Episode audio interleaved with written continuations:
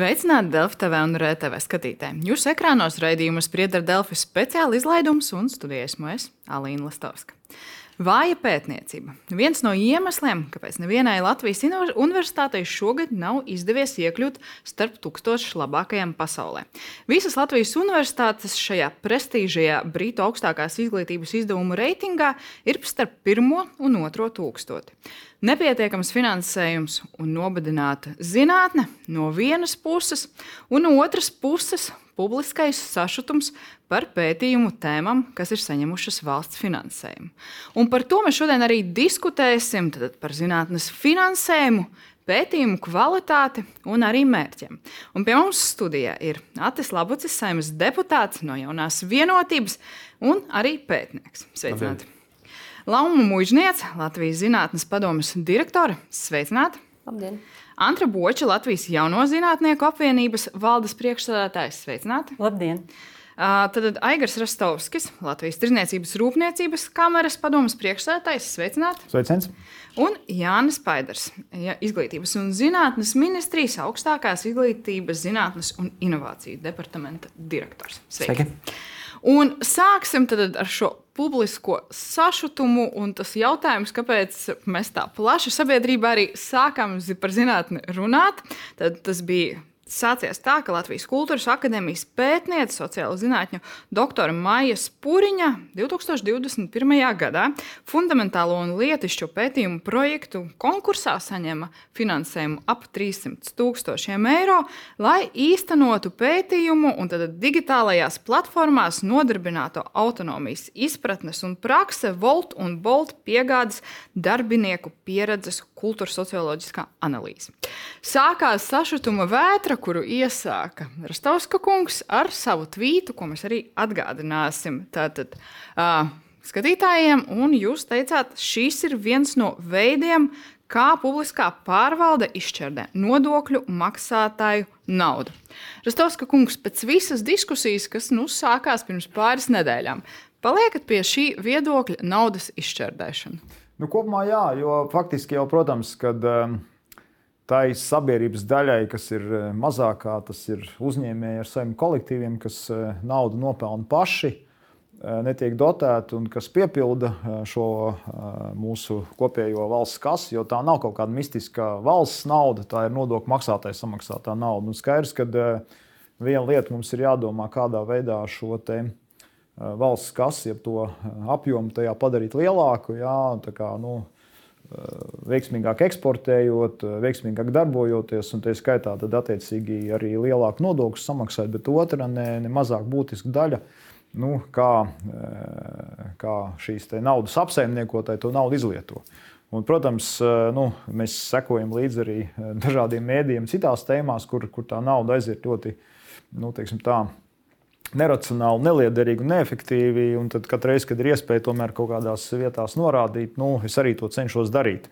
Un, lai nebūtu tāds kaut kāds milzīgs subjektīvisms, eh, kā cilvēks sako publiskiem noteikumiem, man patiesībā viens eh, cilvēks no sabiedrības atsūtīja arī tādu saka, materiālu, es tikai atgādināšu. Tas ir eh, tad, tad, valsts kontrolas ziņojuma virsraksts, jā, tad, tad, tā virsraksts ir tāds Valstī veids simtiem pētījumu, tur ir reikam kols. Jā, to liederība neskaidra. Tas nozīmē, ka Ar faktiski jā, jā, bet, tas ir 21. Bet, gada tas ir, jā, jā, bet tas vienkārši jā. to, ko es gribu pateikt, kad, eh, nu, respektīvi, acīm redzot, tā situācija tāda, kā saka, kad tas mans eh, nu, ne, ne, nelielā sabiedriskā aktivitāte šajā ziņā nav kaut kāds mans tāds subjektīvs elements, bet tas ir, nu, tas acīm redzot, ir, ir plašāka lieta. Jā. Tā kā, tā kā Par to, vai sistēma ir mainījusies kopš valsts kontrolas atzinuma, to mēs tiešām runāsim. Bet tad pētniece, šodien minētā pētījuma autora, viņa šodien nevarēja piedalīties raidījumā, bet viņa iepriekš vienai no maniem kolēģiem, kas eh, veidoja raksta par šo tēmu, skaidroja, ka šos, šos kurjerus ir būtiski pētīt, lai izzinātu, kā viņi izjūt, uztver un praktizē savu darbu. Turklāt šī pētījuma rezultāti nav tikai jaunās zināšanas, un pašlaik tiek veidota institucionāla sistēma, kā regulēt šādas platformas, jo tajās strādājoši ir sociāli neaizsargāti obligāti. Un tad nu, tādas zināšanas par šiem darbiniekiem palīdz nu, izstrādāt likumus, veidot. Rastovska kungs, Jums šī motivācija arī nešķiet pietiekami būtiska. Ne, redziet, un te ir būtiska lieta, vienkārši lai jūs arī saprastu, tad, tad ir kaut kāda pētniecība, kas notiek. Es šoreiz, laikam, nav tēma tik daudz arī tad, tad, tad augstskolu griezumā, bet, piemēram, lai būtu ļoti konkrēti. Mēs LTRK izveidojam savu domnīcu futūru, un mēs arī veicam zināmas pētījumus. Un vienkārši tā tā cenu kategorija, ja tā var teikt. Nu, piemēram, mums ir pētījums divreiz gadā mm, kopā ar SKDS šī mm, uzņēmēju, uzņēmēju noskaņas pētījums. Tad šāds pētījums izmaksā apmēram 10 000. Tā ir viena lieta, tā, tā ir viena lieta jā. tad viens ir pētījuma cena, un otrs ir uh, komunikācija. Jā. Jo faktiski mūsdienu pasaulē viena lieta ir pētīt, un otra lieta ir sabiedrībai stāstīt. Jā. Un, un bieži vien jau uh, šo te, nu, saka, neapmierinātību izraisa. Jā.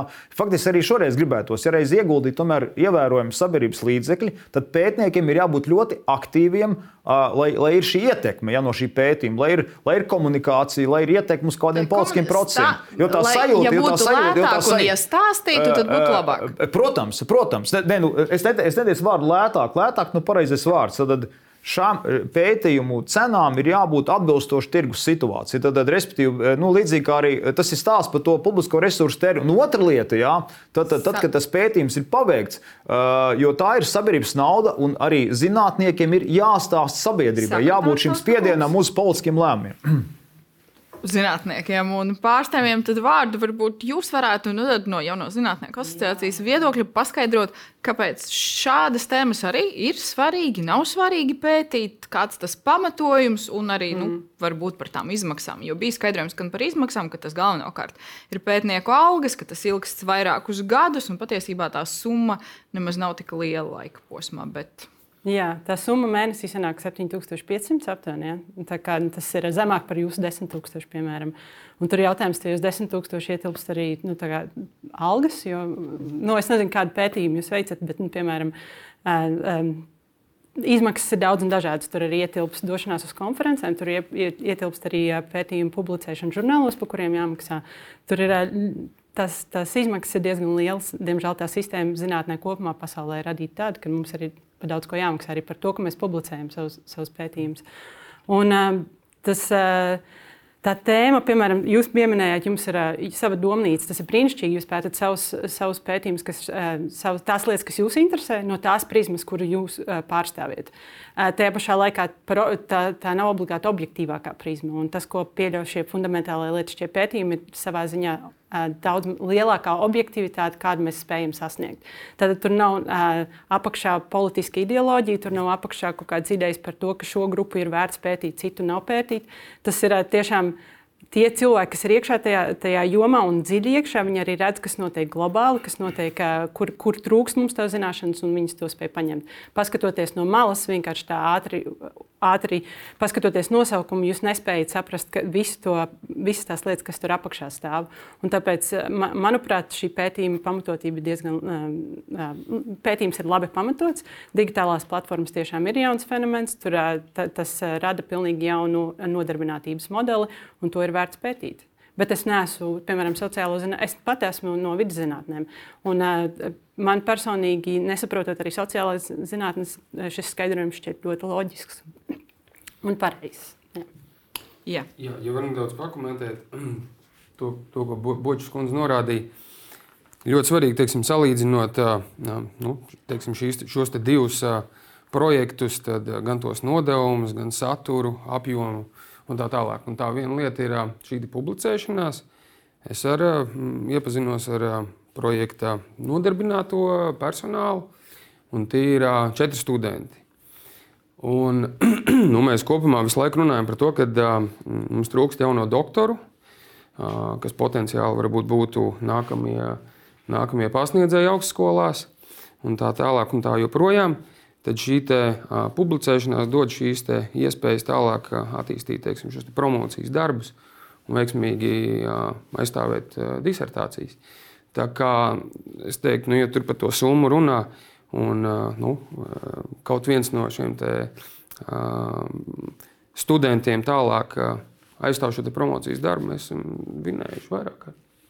Mēs esam minējuši vairāk kārt, Mūžnieces kundze, nu, kāpēc ir svarīgi pētīt tad, to, kas raisa tādu sabiedrībā sašutumu, boltu un boltu darbiniekus, nu, kāpēc tad ir vērts vai nav? Jā, tātad pirmkārt ir jāņem vērā tas, ka ir dažādas programmas, dažādas finansēšanas programmas. Katrai ir sava specifika un savu mērķi.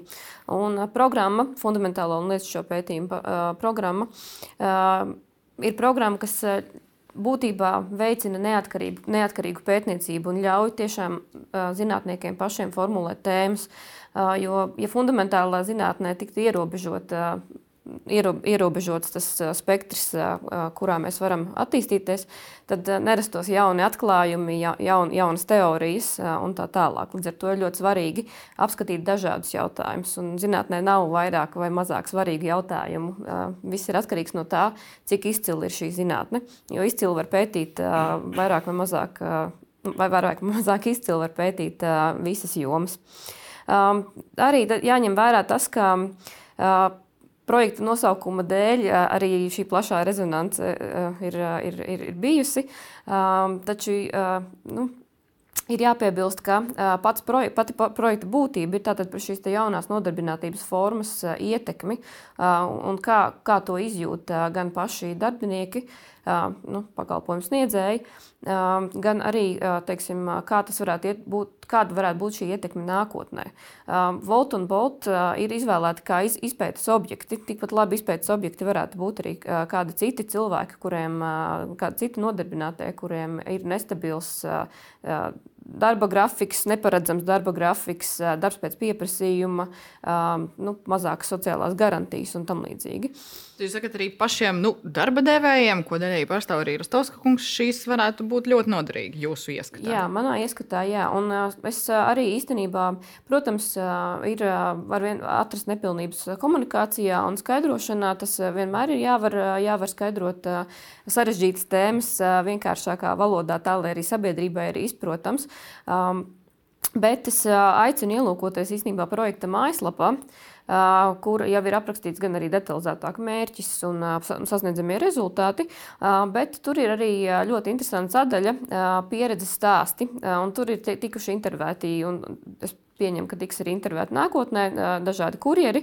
Un tur arī tajos, šajos stāstos ļoti labi atspoguļojas tās problēmas, iepriekš minētās. Tas, neparedzamie ienākumi katru mēnesi, darba laiki. Sociālo garantiju trūkums, acīm redzot, Rostovska kungs, nu, mužnieces kundze saka, noderēs darba devējiem. Jūs sakat, nē. Nu, vēlreiz kaut kā es mēģināšu to, mm, to sāli. Ja, tad, Pirmām kārtām, lai jūs saprastu, nu, mēs kā Latvijas uzņēmējs saime nu, nedzīvojam kaut kādā nu, provincijā. Mēs lielākā daļa dzīvojam pasaulē, eksportējam. Es vēlreiz uzsveru, uh, Noteikti šādi pētījumi, kas ir pat aiz apgāršana, ir ļoti svarīgi. Tas ir, tas ir, tas ir būtiski. Otrs, jā, es vēlreiz uzsveru, mūsdienu pasaulē atcaucoties uz nu, tādu, saka, tādu sabiedrības līderu, dažādām nu, domām, grāmatām.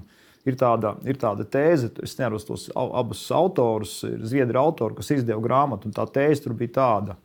Uh, tie, kas dominēs uh, publiskajā telpā, tie dominēs lēmumu pieņemšanā. Respektīvi, tas mans vēstījums ir iepriekšējais. Ja? Uh, sabiedrībai ir jāsaprot, tad, ja mēs novirzam kā, kā valsts zinām naudu pētniecībai, nu, sauksim šo par fundamentālo pētniecību, kas reiz apvāršana, tad ta, tas noteikti ir jādara. Tur ir jābūt nu, tā konkursu sistēma tā un tā. Tur gan norāda, ka neskaidri, bet pieņemsim, ka viņi ir skaidri.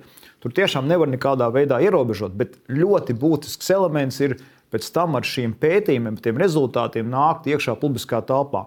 Tā ir būtiska lieta. Un, eh, Acīm redzot, pateicoties tā skaitā manai aktivitātei, mēs šeit runājam, un sabiedrība tagad var palasīt tagad tās lietas. Bet tas, ko es aicinu, kaut kādā veidā, un tas ir zinātnieku uzdevums, būt publiski aktīviem, lai cilvēki bez skandāliem iedziļinās tajās visās lapās. Jo, ja runā par to dalīšanās ekonomiku, valūtu un bolts, ir priecīgs, tāpēc, ka mūsu lokāla politika ir ļoti provinciāla. Joprojām eh, politiskos lēmumos domā, ka arī pēc 10 gadiem, un vēl pēc 50 gadiem normāls darbs būs tad, kad 9 iet uz darbu un 5 nāk mājās. Tā ir tādā ziņā saturs ir ļoti labs. Tas, kas ir vajadzīgs, skaidrība un jābūt izmaksām, jābūt atbilstoši tirgumam. Tur mēs varētu padiskutēt, jā, tāpēc, kad, nu, kā saka, te būtu plašāks stāsts, parādīt, kāpēc tas privātais sektors ir rīkni efektīvāks. Jā. Tā kā, tā kā, bet vienlaikus es saku, ka zin, nu, zinātnē nauda ir jāiegulda. Jā.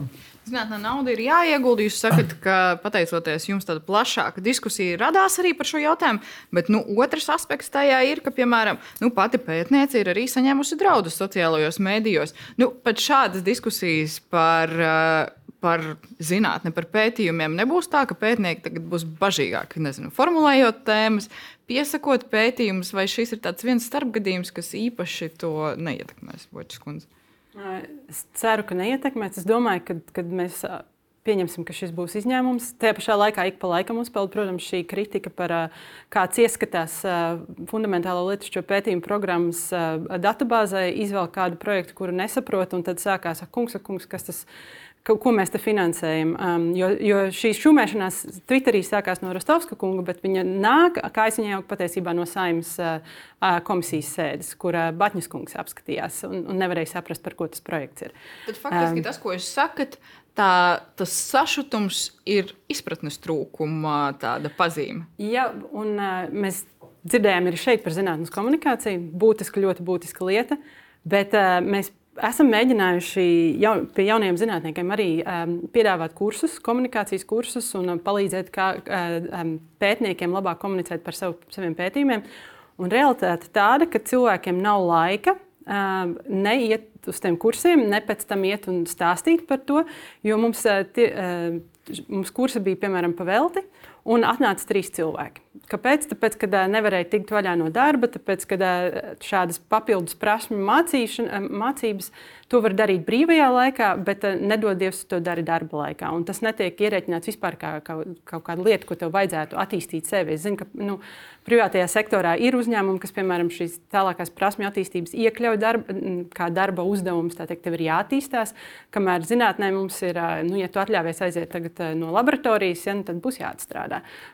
Un, un tas ir, ir problēma arī jauniem doktorantiem, kur, kuriem pat ir gadījumi, kad viņus pat soda soda par to, ka viņi atļaujas aiziet uz eh, doktorantūras nodarbībām. Un, eh, tā ir tāda problēma. Eh, kopumā mazais finansējums un šie projekti, kur ir jānodod liel, nododamie darbi nespēja, nav elastīgums viņu pabeigšanā arī. Un, un tā kā visi, visi skatās. No uz... izglītības zinātnes ministrijas viedokļa, nu, šāda sodīšana par, nezinu, mēģināt attīstīt komunikācijas prasmes, aiziet uz doktorantūras nodarbībām, nu, ko tur var darīt, lai tā nenotiktu. Jā, te varbūt, te varbūt vienu soli atpakaļ, ko es gribēju, gribēju pieminēt, paturpināt iepriekšējo diskusiju. Man liekas, papildus vēl par šo konkrēto pētījumu, tas diskurss, kas sākās, ir arī saistīts ar vienu diezgan būtisku jautājumu. Vai zinātnē ir jābūt sasaistītai ar tautsēmniecības vajadzībām? Atbilde būs viennozīmīgi jā. Bet Tas vēl viens diskusijas punkts ir arī, vai visai zinātnē ir jābūt sasaistītai ar tautsēmniecības vajadzībām, un tur atbilde būs, būs nē. Zinātnē arī sniedz un ja jāspēj sniegt ieguldījumus dažādu sabiedrības izaicinājumu risināšanai, risināšanai, risināšanai Un šeit, tā, kad mēs skatāmies arī jautājumu par pētniecības atbalstu, ir ļoti svarīgi saprast, ka pētniecības programmu arhitektūra kopumā arī Latvijā, līdzīgi kā arī citās valstīs, balstās gan uz tādu programmu kā fundamentāla lietu pētījuma, pētījuma projekti, kuri ir vērsti uz to, ka tur ir brīvība pētniekiem pieteikt savu, savu ideju, un, un savukārt tajos brīžos, kuros ir vainu tautsēmniecības izaicinājumu risināšana. Tam ir citas programmas paredzētas, valsts pētījuma programmas ir citu mērķu risināšanai. At, uz jautājumu par to, vai nosacīt zinātnieks par kaut kādām lietām tiek sodīts vai nē, tas atdurās lielā mērā pret diezgan arī objektīvo realitāti, ka mūsu gan kopējais zinātnīs finansējums Latvijā ir joprojām zems. Un uh, īpaši arī zems mums ir valsts budžeta finansējums. Un, ko tas praktiski nozīmē? Tas nozīmē to, ka uh, esošajiem zinātniekiem par atalgojumu, ko viņi saņem, kurš ir bieži vien mazāk konkurētspējīgs nekā tādas pašas kvalifikācijas kolēģiem citur Eiropā, ir jādara vairāk. Tas arī parādījās nesen apsekojumā par zinātnieku profesijas prestižu, kur viena no lietām, ko norāda, norāda vairums zinātnieki, ir tieši sajūta un risks par izdegšanu darbā, sajūta par to, ka, un pamatot sajūta par neapmaksātu slodzi, kas tiek darīta. Ko ar to darīsim no jaunās vienotības skatu punkta, kas ir atbildīga par izglītību, par zinātni, zinām, prioritāte tā mums ir. Deklarācijās rakstam, sākam, kā attīstam, bet reāli. Es uh, absolūti pievienojos Paiderkungam, kad uh, uh, finansējums trūkst. Uh, nu, gan negribētu teikt, ka uh, pēdējos gados mēs, tas trends tomēr iet uz augšu. Ja, un, uh, un, un uh, arī nākamā gada budžetā mums ir uh, paredzēti līdzekļi nepilnīgi 18 miljoni. Ir zinātnes un, un, un pētniecības lauka nosakšanai. Nu, protams, mēs iz, dzīvojam izaicinājumu pilnā laikā. Un, un, un, gribu uzsvērt, ka izglītība tomēr ir un paliek. Un, un, un, un, un būs mūsu prioritāte. Un šis stūrakmenis, kā jūs man te stādījāt priekšā, es tomēr kaut kādā mērā sēžu uz diviem. Uh, krēsliem arī kā zinātnieks. Un, un, nu, tā arī bija viena no motivācijām, kāpēc, kāpēc es laikam esmu arī kā politiķis. Jā, tas, tas ir lauks, kur ir jāstrādā. Un, Nu, ja mēs skatāmies uz izdevumiem, tad pētniecībā varam parādīt arī uz ekrāna šos datus. Nu, nekāds tāds liels un strauji kāpums, ja mēs skatāmies nu, procentos no iekšzemes koprodukta, nav. Nu, tad arī laikam tik strauji nekas nenotiks. Jā, šeit es gribēju, gribēju pieminēt, pieminēt to, ka tā, mēs skatāmies ieguldījumus pētniecībā un attīstībā, kuri Latvijā gan kopējie, gan no valsts, no valsts attiecīgi budžeta ir objektīvi zemi. Ja mēs salīdzinām ar video līmeni Eiropā, mūsu kopējie ieguldījumi nu, pētniecībā attīstībā to... ir, ir, ir trešdaļa no Eiropas līmeņa, un tā atšķirība, tā plājas ir bijusi ļoti liela ilgstoši statistikas ieguvēja gan jā, jāreikinās ar laiku nobīt pietiekami lielu, jo mums šobrīd pēdējā informācija salīdzināmā līmenī par pilnīgi visu sektoru un ar citām valstīm ir par 2021. gadu. 2023. gadā bija, un tas parādīsies vēlāk pēc laika, Latvijas valsts vēsturē absolūtos skaitļos lielākais valsts budžeta finansējuma pieaugums zinātnē, un tas viss parādīsies vēlāk, un 24. gada budžetā arī ir, ir pietiekami būtisks. Tas mazina to plaisu. Tas mazina to plaisu, un tas, es domāju, tas aktuālais jautājums ir, cik ātri tas mazina. Jo ar principā, to pieauguma tempu, ko mēs esam uzņēmuši, ja mēs salīdzinām sevi ar pārējām Baltijas valstīm, mēs principā esam uzņēmuši kursu panākt Lietuvu. Lietuva arī ilgstoši ir bijusi pēdējos 20 gadus priekšā ieguldījumos pētniecībā un attīstībā. Igaunija, kura principā ir tuva Eiropas vidējiem līmenim, līdz tam mums vēl ir, mums ir ar šādu prioritizēšana šī sektora jāturpina arī nu, tālāk. Ar kaimiņu panākšu, da, panākšanu dažādās jomās mēs tā pēdējā laikā mēģinām aizrauties, izvirzot tos mērķus, bet jautājums, vai sasniegsim reāli un cik ātri. Kāds ir tas uzstādījums? Mums princip, principā, principā mērķis ir uh, tuvākajā, te, tuvākajā vidējā termiņā nodrošināt, ka Latvijas kopieguldījuma pētniecībā un attīstībā ir 1,5% no iekšzemes koprodukta. Uh, vai tas arī ir līmenis, kas ir pārējā Eiropā? Nē. Uh, un, un uh, tas, kas jāsaprot, uh, vienā brīdī, tā, kad ir pilnvērtīgi nodrošināts publiskā sektora atbalsts pētniecībai un attīstībai, kā tas ir arī vairumā Eiropas valstu, tajā brīdī arī ir pietiekams cilvēku kapitāls, pietiekami daudz tie zinātnieki, kas spēj arī citos sektoros nest pienesumu. Un tajā brīdī, tajā brīdī tas, kurš uh, kļūs par galveno ieguldītāju pētniecībā un attīstībā, arī ir uzņēmējdarbības sektors. Latvija vēl to pirmo mājas darbu nav izpildījusi attiecībā par kopējo ieguldījumu apmēru.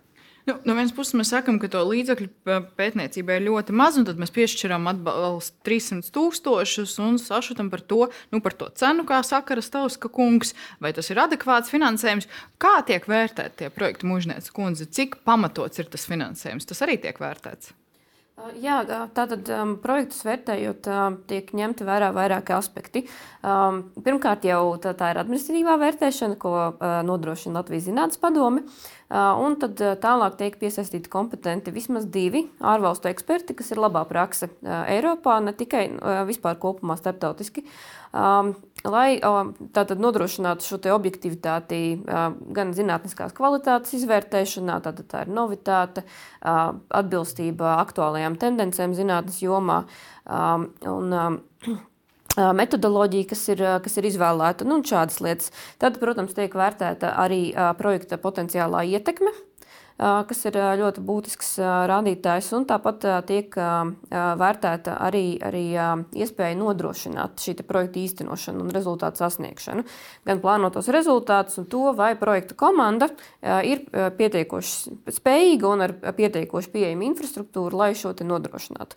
Līdz ar to, teiksim, skatoties uz, uz šīm projektu kopsumām, nu, ja, projektam, katram projektam pieejamo finansējumu, tātad līdz 300 tūkstošiem eiro konkrēti šajā programmā.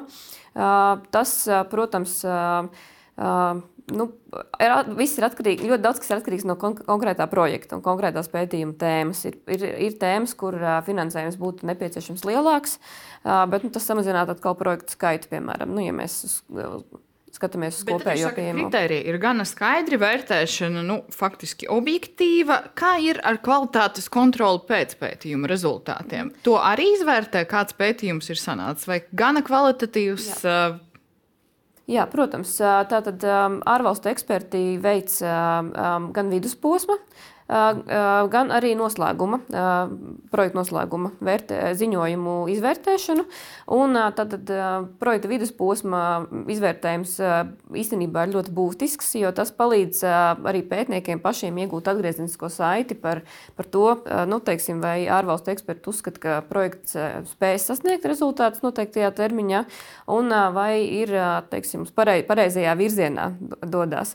Un tad noslēgumā, noslēguma vērtējumā tiek tiek izvērtēts, vai šie nosprostie mērķi ir izpildīti un sasniegti pietiekoši kvalitatīvi. Tad visi tie, kurus satrauc Bolta un Volta pētīšana, var dzīvot mierīgi. Ja nebūs labs kvalitātes pētījums, tad nu, kādas ir tās iespējamās Jā. sekas? Jā, nu, sekas, sekas varētu būt dažādas. Teiksim, ja vidusposmā izvērtēšanā jau parādās problēmas un, un ir teiksim, nu, pam, pamatots aizdoms, ka projekts var netikt, projekta mērķi var netikt sasniegti, tad projekta īstenošanu var pārtraukt. Nu, tad, protams, var sekot arī, arī finansiālas uh, sankcijas, uh, ja tā varētu teikt. Uh, Vispār runājot par šiem projektiem, kopumā ir gadījušies arī tādi pētījumi, kur pētniekiem bija jāatmaksā saņemtais jā, finansējums. Jā, tā ir, tā ir bijis. Jā. Nu, dažādu iemeslu dēļ arī teiksim, varbūt, no izmaksu neatbilstības puses, bet tāpēc, tāpēc ir mūsu iekšējā kontrole arī no administratīvās puses, kas šos aspektus ļoti rūpīgi vērtē. Vēl viens aspekts, nu, tajā visā, par ko mēs runājam, jūs arī biznesa augstskolas turības īpašnieks, un mēs dzirdējām, nu, kā, tajā publiskajā diskursā, ko jūs sākāt, arī tas jautājums jums bija no Andra Saulīša, kas ir Latvijas Universitātes filozofijas un socioloģijas institūta vadošais pētnieks. Parādīsim uz ekrāna. Viņš saka, ka ir saudabīgi dzirdēt kritiku par zinātnes izcilības trūkumu no personas, kuram piederošā biznesa augstskola turība piedzīvo zinātniskās darbības lejupslīdi. Rostovska kungs, nu, ko teiksiet par šo? Jā, tad, tad līdz, ši, līdz šim, bet pirmkārt es varu pateikt, ka es arī turpmāk, kas saka, iespēja robežās būšu sabiedrības aktīvs un savā ziņā sabiedrību provocēšu, lai tiek uzdot šādi jautājumi. Tas ir punkts numur viens. Punkts numur divi. Es arī tagad Facebookā ieliku komentāru saistībā ar to, ka to Latvijas universitāšu neiekļaušanu saka, tajā visā stāstā. Un tas mans vēstījums ir tāds, ka to, ko es arī saku šeit studijā, ka kopumā ņemot, uzsvarētu kopumā, jā, tas nozīmē, ka ir indivīdi, kas ir konkurētspējīgi, bet kopumā ņemot cilvēki, kas strādā publiskā sektorā, ir diezgan nekonkurētspējīgi. Uh, un uz ko tas norāda? Ka faktiski, kad uh, viņi, uh, nu, saka, menedžējot, ja pārvaldot šo publisko naudu, nu, saka, sistēmiski nav, nav nu, saka, radījuši tās sistēmas, lai viņas darbojas efektīvi. Kā rezultātā faktiski arī ir daudzas neveiksmes. Ja? Piemēram, tas pats piemērs to, ka. Nu, Ne jau kaut kādi marsieši izdomājuši, ka tie mūsu zinātnieki nevar iet tajos kursos. Tā vienkārši ir stulba sistēma uzbūvēta. Tur ir saka, tiem cilvēkiem, kas ir publiskā sektorā, jātrenējas. Attiecībā uz turību. Ja? Es speciāli saka, izlasīju to stāstu, es paņēmu no saviem kolēģiem. Tas, kas ir, tas, kas ir jāatšķir, redziet. Un tā ir arī bijusi saka, valsts politika. Valsts politika šos 30 gadus bijusi tāda kad eh, viss, resurss un gadā tie 300-400 miljoni tiek nodoti valsts augstskolām, nu tad viņa performances varat paskatīties, nespēja iekļūt tur tūkstoši tam līdzīgās. Turība no publiskā sektora, no valsts nodokļu nu, sama, saņem tuvu nulē vai nulli. Ja? Un, un atbildi ir konkrētos ciparos. Es paņēmu pa pēdējiem četriem gadiem. Tātad turībai pēdējos četros gados 225 zinātniskās publikācijas, šobrīd, šobrīd ir 98 doktoranti. Šobrīd turība piedalās 60, šajos četros gados piedalīsies 65 zinātniskos projektos. Šobrīd aktīvi ir astoņi, kopējo projektu apjoms ir 5 miljoni.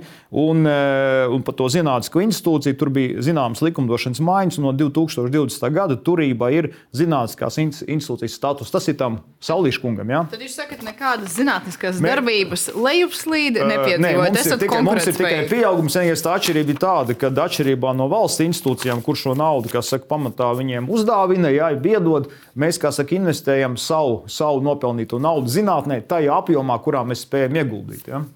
Politikas veidotāji viena replika par sistēmu, kas ir uzbūvēta, un uh, otra par uh, publiskā sektora konkurētspēju. Es, es noteikti nepiekritīšu tēzei, ka publiskā sektora finansējums zināt, zinātnē tiek uzdāvināts. Uh, jo, ja mēs skatāmies, ja mēs, jo jautājums, kā vērtēt Latvijas zinātnīs rezultātus, gan ja mēs skatāmies mūsu uh, lielāko zinātnīs universitāšu izcilību, uh, vai arī zinātnīs kvalitātes, kvalitātes citus rezultātus. Uh, Vai mēs esam attiecīgi kaut kādos aspektos zemāki nekā arī mūsu kaimiņi?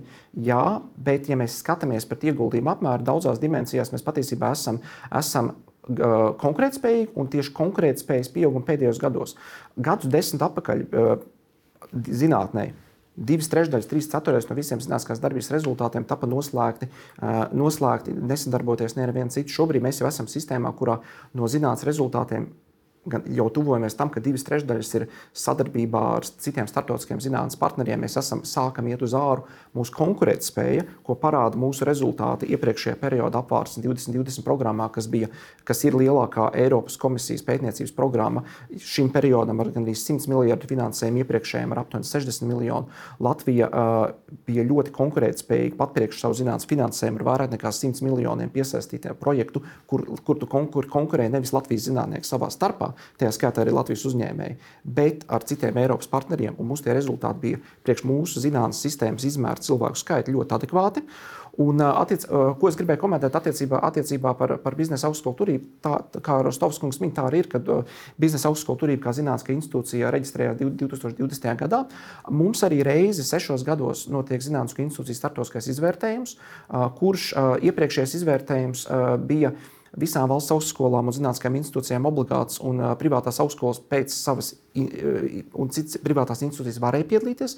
2025. gads būs tādā ziņā arī labs atskaites punkts, jo pilnīgi visām augstskolām, gan valsts, gan privātajām, ir jāpiedalās šajā izvērtējumā. Mhm. Tad pēc izvērtējuma varēsim pateikt, cik kas ir labs un kas, kā, kas, ir, kas ir veiksmīgāks. Salīdzināma mēroga, bet arī, ko es gribu uzsvērt, tā, ka mēs šos, šo izvērtējumu veicam, viņš salīdzina zinātni ļoti plašās tās dimensijās. Viņš skatoties gan uz zinātnisku izcīlību, gan uz zinātnes ietekmi, ekonomisku ietekmi, socioekonomisko ietekmi, attīstības potenciālu un infrastruktūru. Es tikai vēl redziet, gribu pateikt sekojošu lietu.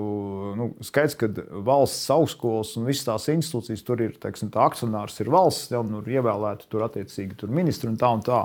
Uh, ja runā par turību, ja, kā man kā īpašniekam, mans, tas, uh, mans uh, nu, vīzija attiecībā uz, uz, uz turības Lietuvas universitāti, kā šobrīd ir status, ir, ka tā orientācija ir uz praktiski pielietojām zināšanām. Tā zinātnes sadaļa ir tikai tādā, kā saka, lietišķās pielietojamās zināšanās. Jo mana Mans redzējums, un to es redzu no saviem absolventiem, ja, kad e, orientieris ir tāds, lai viņi darba tirgu ir konkurētspējīgi, lai viņi veido savus uzņēmumus. Jo patiesībā vēl viena tāda tēze, ja, tad, tad e, šobrīd es, es pateicu to, ka pēdējos gadus publiskais sektors e, valsts augstskolās iegūst šos 300-400 miljonus. Koncerna dienu pētījums, ko jūs varat paskatīties, Tātad uh, privātu augstskolu absolventiem ienākumi darba tirgu ir lielāki nekā publisku augstskolu absolventiem. Jā. Jā, un, un, un es šīs tēzes atkārtoju un atkārtošu, un tas ir stāsts par nodokļu maksātāju naudas efektīvu Bet izlietošanu. Zinātnes tādu kopumā skatījumu, Boškundze, varbūt jums no asociācijas viedokļa ir skatījums, kā, kā ir ar zinātniekiem, kas nāk no publiskā sektora, no privātā sektora augšskolām. Ir vērtējums, vai ir viennozīmīgi, varam pateikt, kur ir labāk, kur mazāk konkurētspējīgi. Um, nē, man liekas, viennozīmīgi to nevarētu pateikt. Un mums nav arī daudz, uh, es teiktu, lielākā daļa zinātnieku nāk no publiskā sektora. Tīpaši Latvijā man būtu grūti, ied... var, iespējams, privātajā sektorā ir, bet ļoti, ļoti maz. Un uh, viena vien būtiska lieta ir, ka mums uh, jā, nu, jāmaina arī tā domāšana par to, kas ir uh, doktorants un kas ir uh, zinātnieks. Jo mums tā līdz šim ir bijis tā, ka doktorants ir uh, tiek audzināts un skolots, lai veidotu ataudzēju akadēmiskajai vidē, bet uh, pasaulē viss mainās un mums arī tam ir jāmainās. Doktorantam ir jābūt cilvēkam, kas var aiziet uz valsts pārvaldi, var aiziet uz privāto sektoru, un doktorantiem viennozīmīgi vajadzētu arī šīs uzņēmējdarbības prasmes izkopt arī doktorantūras skolās un programmās, lai varētu, piemēram, labāk komercializēt zinātni. Un tur mums arī vajadzētu palīdzību no, no likumdevējiem mainīt likumus tā, lai to zinātni varētu komercializēt. Ne, nu, jo pašlaik ir problēmas. Jā, šobrīd arī attiecīgi ir izstrāde, izstrādē kopā ar ekonomikas ministriju grozījumu zinātniskās darības likumā tieši, lai, lai mēs atvieglotu komercializācijas nosacījumus. Ir skaidrs, ka attiecīgi arī ir publiskā sektorā daudz uzlabojumu veicami attiecībā par to, kā mēs pieejam pie gan, gan pētniecības dažādiem šķēršļiem, gan arī no tālāku rezultātu izplatīšanas, protams. Mēs sākam runāt par naudas efektīvu izlietojumu un arī to, cik pamatoti ir šie pētījumi. Pieminēja Rostovska kungs valsts kontrolas ziņojumu, varam parādīt arī to vienu no secinājumiem uz ekrāna. Tas ir 2021. gada nogale, tad 90 gadu laikā nav izveidota efektīva un ilgspējīga sistēma zinātnes pētījumu projektu izvērtēšanai. Kļūdas jāatzīst, esošā sistēma ir jāmaina. Tas ir izdarīts vai nav? Jā. Visi valsts kontrolas norādītie ieteikumi un, un, un norādījumi ir izpildīti, esam ieviesuši.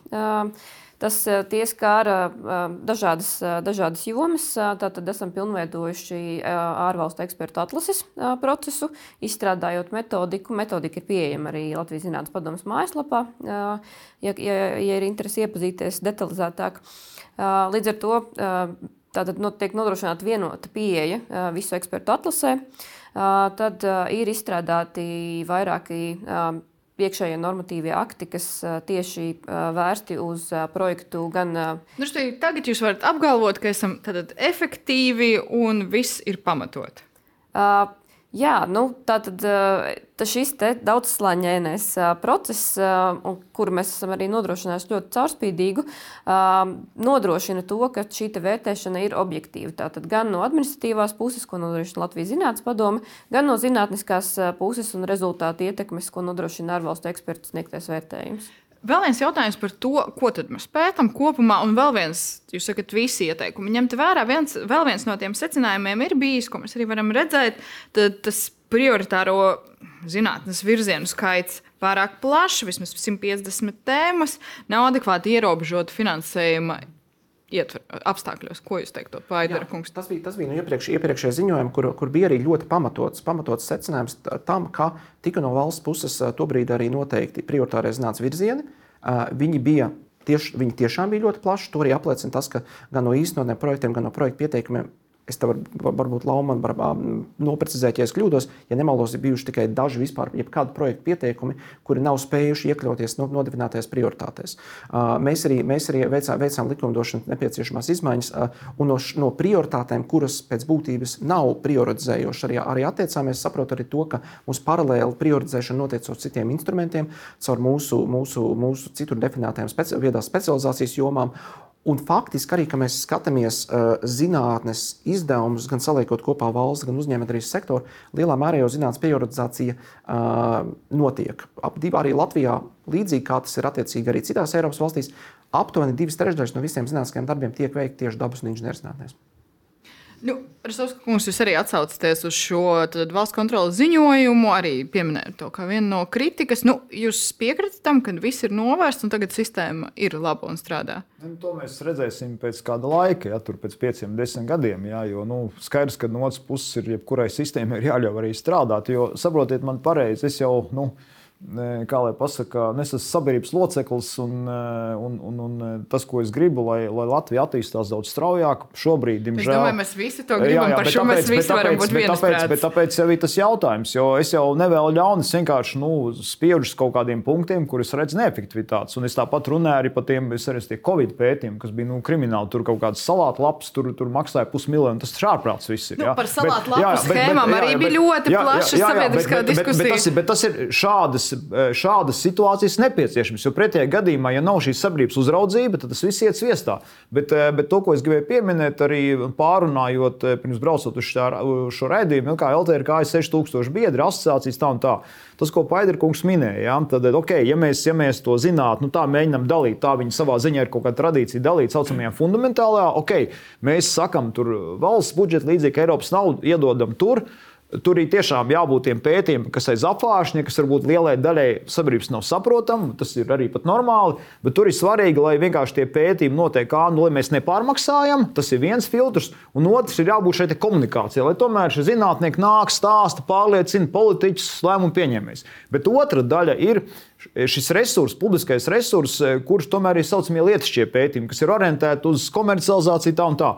Un tur jāsaka, tā pārnaita kolēģiem eh, biznesa vidē nu, nav tā apmierinātība. Tur man rekomendācija būtu tāda, ka tai naudai būtu jāiet cauri industrijām, caur asociācijām un tam līdzīgi. Jo, jo tomēr tā noskaņa biznesa vidē ir tāda, ja tā nauda iet cauri pašu pētniecības daļu, nu, tur bieži vien ir tā, ka tie cilvēki, nu, viņi dabiski, viņi zinātnieki, viņi, kā saka, tur darba tavu tēmas, un viņiem nav tas dabiskais motivators, nu, kā saka, domāt eh, tajā komerciālā virzienā. Un faktiski tur šī sistēma, godīgi sakot, nav tāda, kas, eh, nu, kas, kas stimulē šī, eh, nu, šo produktivitāti, inovāciju. Un tur tai naudas plūsmai vajadzētu būt caur industriju otrādi, ka faktiski tā industrija tā, kas pasūta un to lietišķu zinātnisko prātu novirza tajā komerciālā virzienā. Jo tikai tādā veidā mēs varam eksportu uzlabot produktivitāti, kā rezultātā ir vairāk naudas, vairāk naudas arī zinātnē. Piekritoši māja ar galvu, līdz ar to piekrīt. Es, ne, es gribēju, gribēju, gribēju, gribēju mazliet nokomentēt. Tā, tā arī ir, ka patiesībā ļoti liela nozīme ir ne tikai tam, un es domāju, ka mēs arī varam vienoties šeit, ka ir jābūt pilnvērtīgam valsts atbalstam zinātnē, zinātnē kurš sasniedz tādu līmeni, lai, lai mums ir tie cilvēki, kuriem spēj radīt jaunas zināšanas, jaunas inovācijas, bet, protams, spējai tālāk nodrošināt šo zināšanu pārnesi arī ir kritiska nozīme kas ir, es sākumā pieminēšu, kas, ir, kas, kas mums ir labi un kas, kur mums attiecīgi es arī redzu, ir nepieciešama, nepieciešama uh, pilnveide. Labā ziņa ir tāda, ka, ja mēs skatāmies publiskā sektora augstskolu un zinātnisko institūciju iz, kopējo apgrozījumu, cik no viņa ir tiešā sadarbībā ar uzņēmējiem veikta veikt, veikt, veikt pētniecība, Tur uz citu valstu fondu mēs nemaz tik slikti neizskatāmies procentos no publiskā sektora izmēra. Tas apmērs ir neliels, tāpēc, ka mums arī publiskā sektora zinātnē neliela. Tas savukārt, kas pietrūkst, pietrūkst tas, ka mums tā arī ir, ka vienā brīdī tas atbalsts beidzās publiskā sektorā, viņam tālāk jābūt uzņēmēju inovāciju atbalstam. Tur arī vairāk strādā ekonomikas ministrijas programmas tieši vērstas inovāciju atbalstu. Tieši valsts pusē, tas valsts, valsts sektora pusē, publiskā sektora institūcija pusē, tas tuvākais ekvivalents mums ir, kas ir bijis no struktūra fondiem veikts praktiskās ievirzes pētījuma programma, kurai arī šajā periodā ir turpinājums, kur ir vērsta arī uz jau daudz lietišķāku pētniecību. Uh, bet ilgtermiņā tas ir jautājums arī par to, ka mēs šos jautājumus esam risinājuši principā ar struktūra fonda atbalsta palīdzību. Tāda valsts programma, jā, mums savulaik bija līdz 2008. gadam, bija arī tirgus orientēto pētījumu programma. Viņa tagad, protams, ir nu, gan pārtraukta, gan arī tas viss likumdošanas ietvers ir novecojis, jo viņa 15 gadus nav, nav īstenota. Kaut kādā brīdī mums jārunā arī par nepieciešamību nonākt pie kārtīga, atbilstoša valsts pasūtījuma šādā, šādā līmenī, kas būtu vērsts stipri uz lietu šādu pasūtījumu. Un vispār tās nu, teiksim, tā, valsts vajadzības, tautsēmniecības vajadzības, nu, cik lielā mērā zinātnē ir jākoncentrējas uz to, tiešām, ko no zinātniekiem prasa atrisināt kaut kādas problēmas vai palīdzēt to risināšanā, un cik lielā mērā nu, tā jābūt nu, teiksim, zinātniskai arī brīvībai, Bočs kundze. Oh. Tā liekas, viņi abi diezgan labi iet kopā. Tur, tur nav kaut kāda uh, pretestas pretstata. Tur būtībā viss ir atkarīgs no finansējuma arī. Nu, tā, vajag gan to brīvību, izkopt tās jaunās idejas un attīstīt, un, un protams, vajag arī zinātnieki labprāt iesaistās valsts pētījuma programmās un pasūtījumos, lai risinātu sabiedrībai svarīgas problēmas. Vienīgais, ka, ka tā problēma, kas, kas mums ir kā zinātniekiem, ir tas, ka tas finansējums pēkšņi uzpeld. Tā teikt, mēnesi iepriekš ir atvērts konkurss, ja pēc mēneša mums lūdzu vajag jums gatavu pieteikumu. Un, uh, ir tā, ka ir grūti plānot tādā vidē, kur nav skaidrs, kad būs nākamais konkurss vai vispār, kad būs nākam, nākamais finansējums. Un, un, ja tas, tur vajag tādu regularitāti. Tas pats man liekas arī ir man šķiet par inovācijām un zinātnes komercializāciju un, un jaunā, jaunu ideju ieviešanu. Cik es saprotu, bieži vien ir tā, ka ir uzsaukums, nu, vai nu tev ideja ir gatava un tu vari piedalīties tagad, vai arī nu, tev būs jāpagaida, varbūt tev būs jāpagaida pāris gadi. Nu, būtībā jau vajag to finansējumu tādām jaunām idejām, tad, kad tās idejas ir.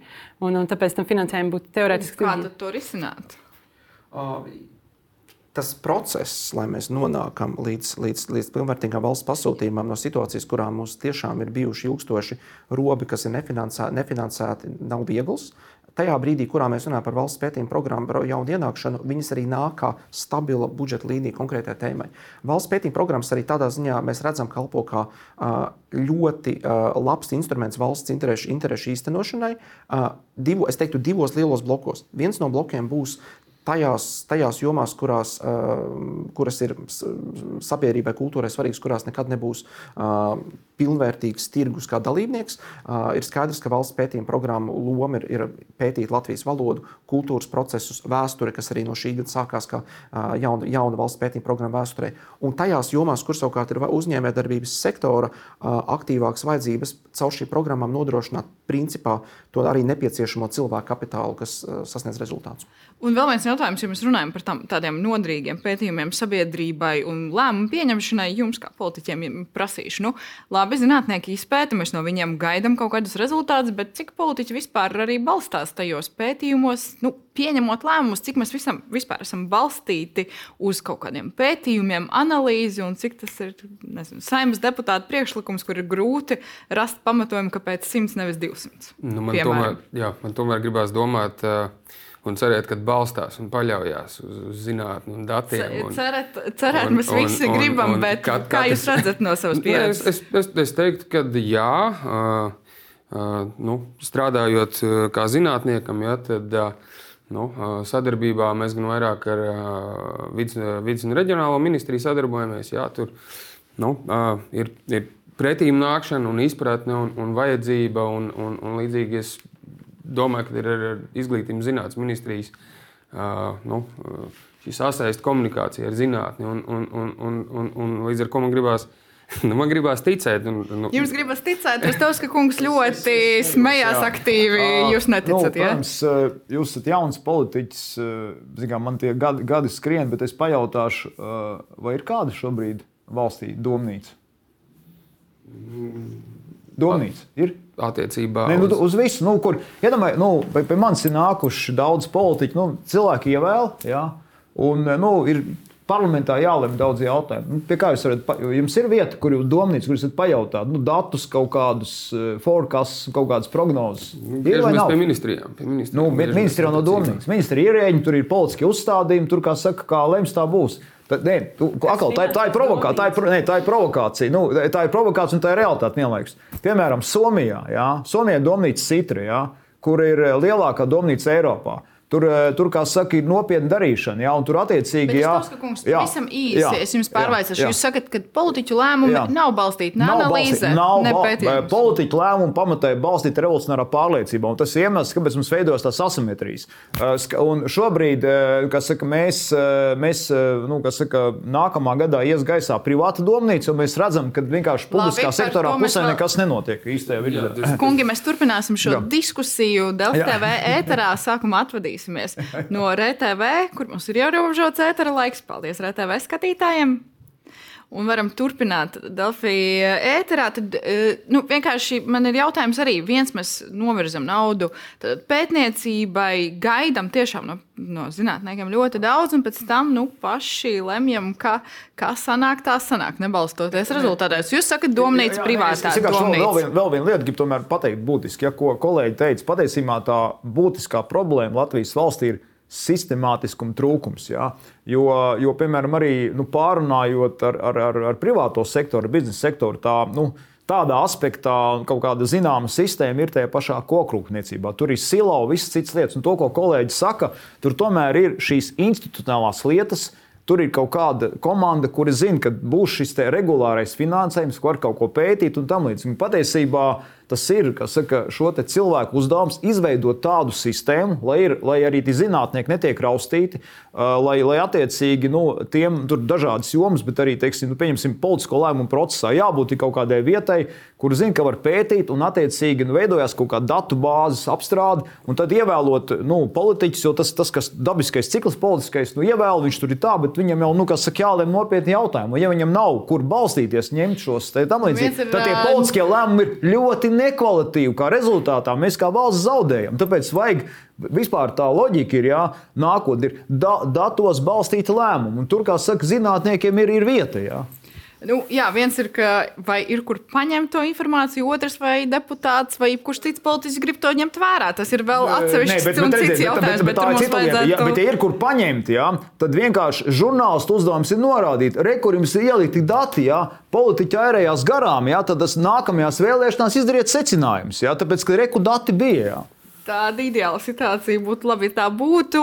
Bet atgriežoties pie tā, ar ko mēs arī sākām, vāja pētniecība, neesam augstskolu reitingā pat pirmajā tūkstotī. Nu, Daudz mums bija mērķu, mēs dzirdējām, pirmie 500 un ilgus gadus par to runājām. Nu, cik šīs ir liels tāds nu, teiksim, zaudējums mums? Jā, šeit es gribēju, varbūt mazliet atkāpties, sākumā pieminēt, ka mēs skatāmies uh, prestižos augstskolu reitingus, viņi ir trīs. Uh, no, no šiem trim reitingiem uh, ir viens, tā, viens, nu, no, viens no tiem. Pašā pirmajā vietā neesam nevienā. Pašā pirmajā vietā mēs neesam. Vienā no šiem reitingiem mēs nekad vispār neesam bijuši, kas ir tas sauktais ARBU, jeb tas ir Šanhais reitings, kuram ir ļoti teiksim, tā, metodoloģija uz, uz tādu līmeni zinātnē, kāda Latvijā līdz šim nav bijusi. Divi citi, kur, kur mēs, mēs esam, es, esam attiecīgi daudz, daudz augstākās pozīcijās. Mums ir QS reitings, kur mēs esam tūkstošniekā ar mūsu augstskolām, un tagad Times Square Education, kur mēs, kur mēs tikko izskatām. Jāņem vērā ir viena gan būtiska lieta, ja mēs paskatāmies četras Latvijas universitātes, kur šajā reitingā ir, no viņām principā. Rīgas Tehniskajā universitātē un Latvijas universitātē abām tur plus mīnus nelielas svārstības, nu pa vienu pakāpi uz augšu uz leju. Nu, tagad uh, pamainījās metodoloģija, un, un tas kritums ir ļoti liels. Un, un Stradiņu universitātē kritums ir ļoti liels, bet, ja paskatās galvenos pētnieciskās darbības rezultātus, galvenos ausos rezultātus, viņi nav kritušies tieši otrādi, viņi pat ir pieauguši. Un tur parādās tas, kā principā mazas valsts specializēta augstskola jutīgums pret metodoloģijas izmaiņām. Tā, tā, tā arī ir nozīme. Jo, mēs esam labi, bet tā metodoloģija nav laba. Uh, es neteiktu, ka metodoloģija nav laba. Es drīzāk teiktu, teiktu ka uh, tām universitātēm, kuras nenosac pilnīgi visas, visas zinātņu, lielās, lielās zinātņu nozares, tā teikt, tā, tā, tā teikt, klasiskās zinātnes universitātes, kurām jebkādas metodoloģiskās izmaiņas mazāk ietekmēs, specializētām universitātēm tā, tā svārstība būs no, nopietnāka, bet uh, rezultātu pieaugums mūsu sistēmā ir. Uh, Bet kas ir jāņem vērā, vai, vai, vai mums ir pamats būt apmierinātiem? Es nezinu, jo, jo ja skatās zinātnīs universitātes kopumā, uh, pasaulē, tad uh, visa pasaule arī nestāv uz vietas un progresē. Un, ja mēs skatāmies, skatāmies uh, izaugsmi, kas šobrīd notiek, bet tā cerība, vai tas sapnis, vai tas mērķis, kā to nosaukt par pirmo 500, nu, būt starp pirmajiem 500, Jā. varam atmest? Vai jūs sakat, ka nav tik traki? Es, te, es, teiktu, es teiktu, ka tas ir uh, neizbēgams priekšnoteikums, ir uh, arī uh, tam, tam uh, pilnvērtīgs uh, nodrošinājums, un viņš arī šobrīd, šobrīd mums pilnvērtīgs nodrošinājums. Finansiāls ir... nodrošinājums, jo ja mēs salīdzinām, salīdzinām to pašu, uh, tās pašas mūsu uh, lielākās zinātnes universitātes un salīdzinām ar Tartu universitāti, tas atdurās pret, pret uh, daudz mazāku finansējumu, un kur visizteiktāk tas parādās pret tieši daudz mazāku pētniecības finansējumu. Jūs varat piekrist, ka nu, finansēsim vairāk, un tad gan jau tie rezultāti kopumā mums būs daudz, daudz labāki. Finansējums ir ļoti, ļoti būtisks, jo mums bieži vien pietrūkst šī administratīvais atbalsts pētniekiem. Piemēram, daudz kas gulstās tieši uz mums, un, un mums nav tā, tā, teikt, tā mašinērija, kā, kā to varētu nosaukt. Piemēram, Nīderlandes universitātēs viņiem ir milzīgs tāds. Milzīga mašinērija aizmugurē, kas palīdz dabūt lielos grantus un, un, tā, un iegūt šo to reputāciju, kas ir nepieciešama, lai vispār pakāptos tajos reitingos. Jo trešdaļā no reitingu veidojošiem faktoriem ir reputācija. Cik labi tevi pazīst pasaulē un, un vai tev ir laba reputācija. Un, ta, un tam visam, protams, vajag savu mārketingu arī apakšā, un tas mums nav. Un, un savā ziņā tas ir vajadzīgs. No otras puses, ir lietas, ko mēs varētu ziņā, institu, institucionāli Latvijā darīt jau labāk un efektīvāk. Mēs tērējam laiku bieži vien. Uh, kā lai saka, no privātā sektora viedokļa mums ir augsts apmaks, apmaksāts un specializēts darba spēks, pētnieki, un mēs viņiem liekam rakstīt uh, vienu papīru pēc otras un, un, un da, darīt darbus, ko būtu jādara cilvēkiem ar netik lielu algu un netik lielu specializāciju. Tā kā mēs diezgan neefektīvi izmantojam arī to naudu, kas mums ir. Neefektīvi izmantojam naudu, to, ko ir, arī resursus, nu, kā zinātniekus izmantojam neefektīvi. Nu, nu, Pro, finansējums nepietiekams tās problēmas ir, bet ko darīt? Es gribēju, gribēju mazliet mazu tādu, tādu, tādu, tādu komentāru par šo minēt. Ja, kāpēc, un kas varbūt arī papildina Antras, Antras teikto. Ja mēs, ja, mēs finansēsim, tas patiesībā mums dos iespēju, un tāpēc arī šīs šodienas diskusija, diskusijas jautājums atdurās par tā, cik efektīvs, efektīvs ir šāds šis, šis finansējums un ko mēs par to sasniedzam. Bet, ja mēs nefinansēsim, tad mēs noteikti nesasniegsim. Ir skaidrs, ka finansē, pie kaut, ka tikai pie kaut kādas finansējuma latīs mēs varam nodrošināt tos rezultātus, kas ir principā prestižākajām, prestižākajām pasaules universitātēm. Jo, lai iedotu kontekstu, mums viss Latvijas augstākās izglītības sektors ir aptuveni 300, 350 miljonu eiro gadā finansējums. Kembridžas uh, un Oksfordas universitātē mēs runājam par finansējumu, kurš ir 2-3 miljardi eiro gadā. Tad faktiski tas, ko mēs varētu darīt tagad, nu, finansēt, jo nozara, kā jau minēju, ievadā ir nobadināta un situācija ir slikta, un pēc tam jau satraukties par tiem rezultātiem un efektivitāti. Ne, tā tās, tās, noteikti, tās, no, tās noteikti negrib, negrib, negrib teikt, uh, bet uh, mums ir jābūt mērķiecīgam ieguldījumam mūsu galvenajās programmās. Mums jābūt pārliecībā, ka viņas strādā. Mums ir īpaši jāstrādā, lai rezultāti, kas ir pētniecībā, gan tiktu labāk komunicēti, gan labāk nonāktu pie rīcību politikas veidotājiem, pie uzņēmējiem. Līdz, līdz ar to, ir, bet, lai, lai tas notiktu, ir jābūt visi, visiem posmiem nosektiem. Mūsu līdzinājā politika bieži vien ir attiecībā par pētniecības finansēšanu bijusi tāda, ka mēs spējam spējam, atsevišķas programmas konkrētā brīdī atbalstīt. Tas lielā mērā izriet arī no finansējuma trūkuma. Tad redzam, ka mums veidojas kaut kāda roba. Vai nu mums ir nepietiekams doktora grāda ieguvēja skaits, vai nepietiekams atbalsta tehnoloģiju pārnesēji, vai ilgstoši bija vispār praktiski nekāds zinātnīs bāzes finansējums, kas nenosedz institūciju uzturēšanas vajadzības, lai, lai mums būtu iespēja sasniegt Latvijā tādu pētniecības sistēmu, par kuru mēs varam būt, būt lepni un, un nevis skatīties uz citām valstīm kā uz, kā uz, kā uz paraugu, ka mēs mēģinām sekot līdzi, bet būt paraugs citiem. Mums ir jābūt nu, visam. Tas ir tāds ļoti ilgtermiņa mērķis, laikam, pašlaik izskatās. Tas ir, tas, ir, tas, ir, tas ir vidējā termiņā realistiski sasniedzams. Realistiski sasniedzams, cerams, jums Jā, replika? Es, uh, replikas ir tādas. Tad rekomendācija publiskam sektoram, nu, parunājot ar privāto sektoru. Privātais sektors ir pieredzējis strādāt visu laiku ar ierobežotu resursu, vienkārši un, nu, kā saka, ar ierobežotu resursu sasniegt augstākus mērķus. Jo, protams, ka bagātās valsts, kur resursi ir milzīgas, to var darīt arī relatīvi tā. Nu, Ierēdnieciski un tam līdzīgi, ja, bet mums ir jāmācās strādāt ierobežotu resursu viens. Otrs, es tomēr gribētu apšaubīt mērķi, ka mums jāliek, ka tas, ka tas iekļūšana kaut kādā topā ir tur super, tur, manuprāt, tas mērķis nav īsti pareizs. Es pateikšu, kāpēc. Tāpēc, ka skaidrs, ka tā visa tā reitingu stāsts tas ir vesels industrija, vesels bizness. Ja? Un tieši tā, pamainot kaut kādus reitingu kritērijus, tu vari novirzīties. Un es atsaukšos uz kolēģiem Somiju. Nu, saka, Somija ir arī izglītībā augsta cienīta lieta.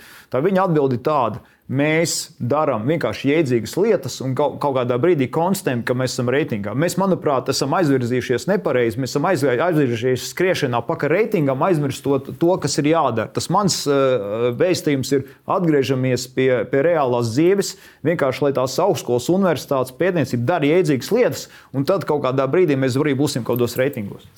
Tas ir politisks sauklis, jāmano, kur reitingā, jā, un viss skrien pakaļ tam sauklim. Jūs, jaunā vienotība, ir atbildīga par izglītības zinātnes ministriju un visu saistīto. Nu, jums ir tas politiskais sauklis un mērķis iekļūt topā, vai atmetam tiešām to domu, dzīvojam mierīgi, pētam.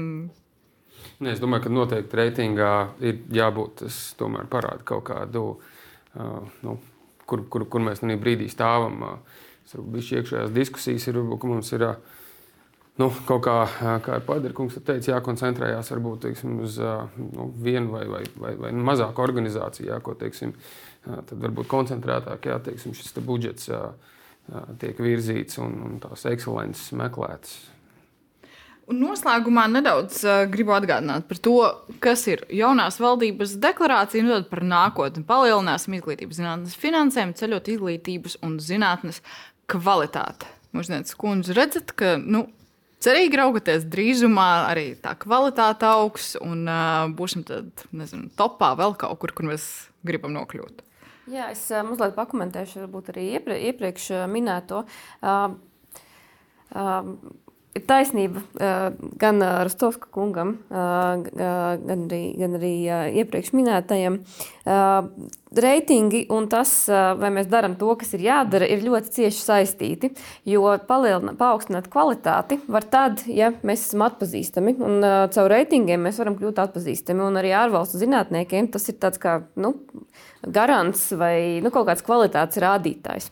Un savukārt, nu, līdz ar to, bet, da, tādējādi tas, lai iekļūtu šajā reitingā, tam, protams, nevajadzētu būt par pašmērķi kā tādu, bet ir jāizprot, kādas darbības ir jāuzlabo, lai, lai, lai, lai uzla, uz, nu, teiksim, šos rādītājus uzlabotu. Um, Par finansējumu un vispārējo un kvalitātes pieaugumu es raugos ļoti cerīgi, jo šobrīd arī Latvijas Zinātnes padome ir atbildīga arī par starptautiskas programmas, Eiropas līmeņa programmas apvārtnes Eiropa īstenošanas nu, tā, konsultēšanu pie Latvijas Zinātnes padomas struktūrā ir nacionālais kontaktpunkts šai programmai. Līdz ar to mēs arī apkopojam statistiku par to, kā Latvijas pētnieki un arī uzņēmumi piesakās šai programmai. Un jāsaka, ka Latvija ir šobrīd otrajā vietā Eiropas Savienībā pēc pieteikto projektu apjoma.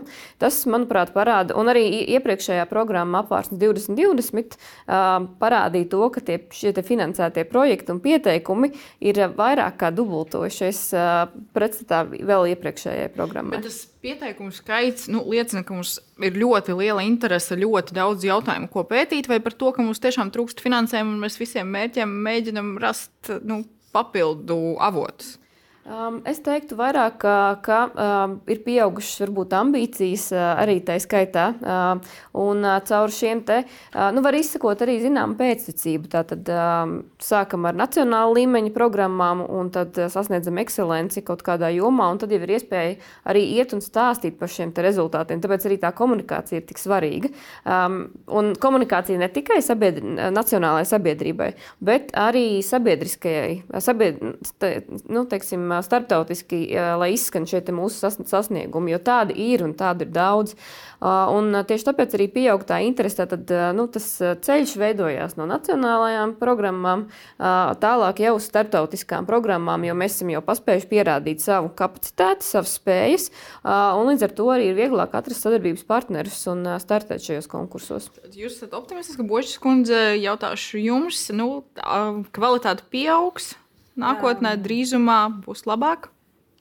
Ja finansējums pieaugs, tad jā, jo, piemēram, mēs, ja mēs skatāmies par reitingiem, viena problēma ar reitingiem un augstāko izglītību ir tā, ka reitingos laikam varbūt vien, viena kategorija saistās tieši ar augstāko izglītību, vispārējais ir zinātne.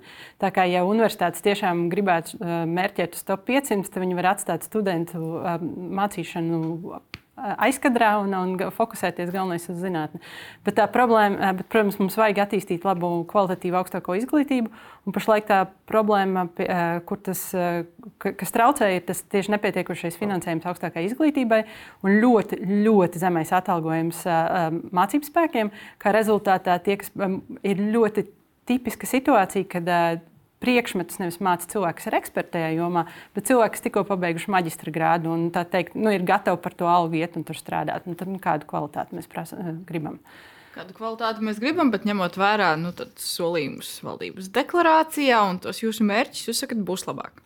Uh, es, es, teiktu, es teiktu, ka uh, kāpēc arī man, man, man ir tāds piesardzīgs optimisms par mūsu, mūsu, uh, mūsu iespējām. Uh, Jo tiešām pēdējos divos gados, ja skatās, ja skatās zinātnīs ieguldījumus un arī ja skatās augstākās izglītības finansējuma palielinājumu, mēs, mēs, mēs esam, esam uz, uz progresa, progresa takas.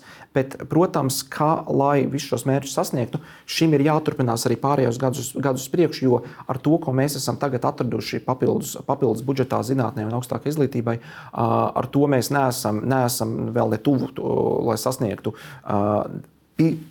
pietiekamu grīdu, lai mēs varētu attiecīgi runāt par uh, nopietnāku starptautisko konkurētspēju. Uz progresa takas, bet es ceru, ka tā taka nu, tiešām būs tāds raitāks Jā. solis uz tās, jo, nu, lai nav kā ar citām nozarēm, ka mēs gadu no gada runājam par vienu un to pašu un vienam un tām pašām problēmām. Paldies jums šodien par sarunu.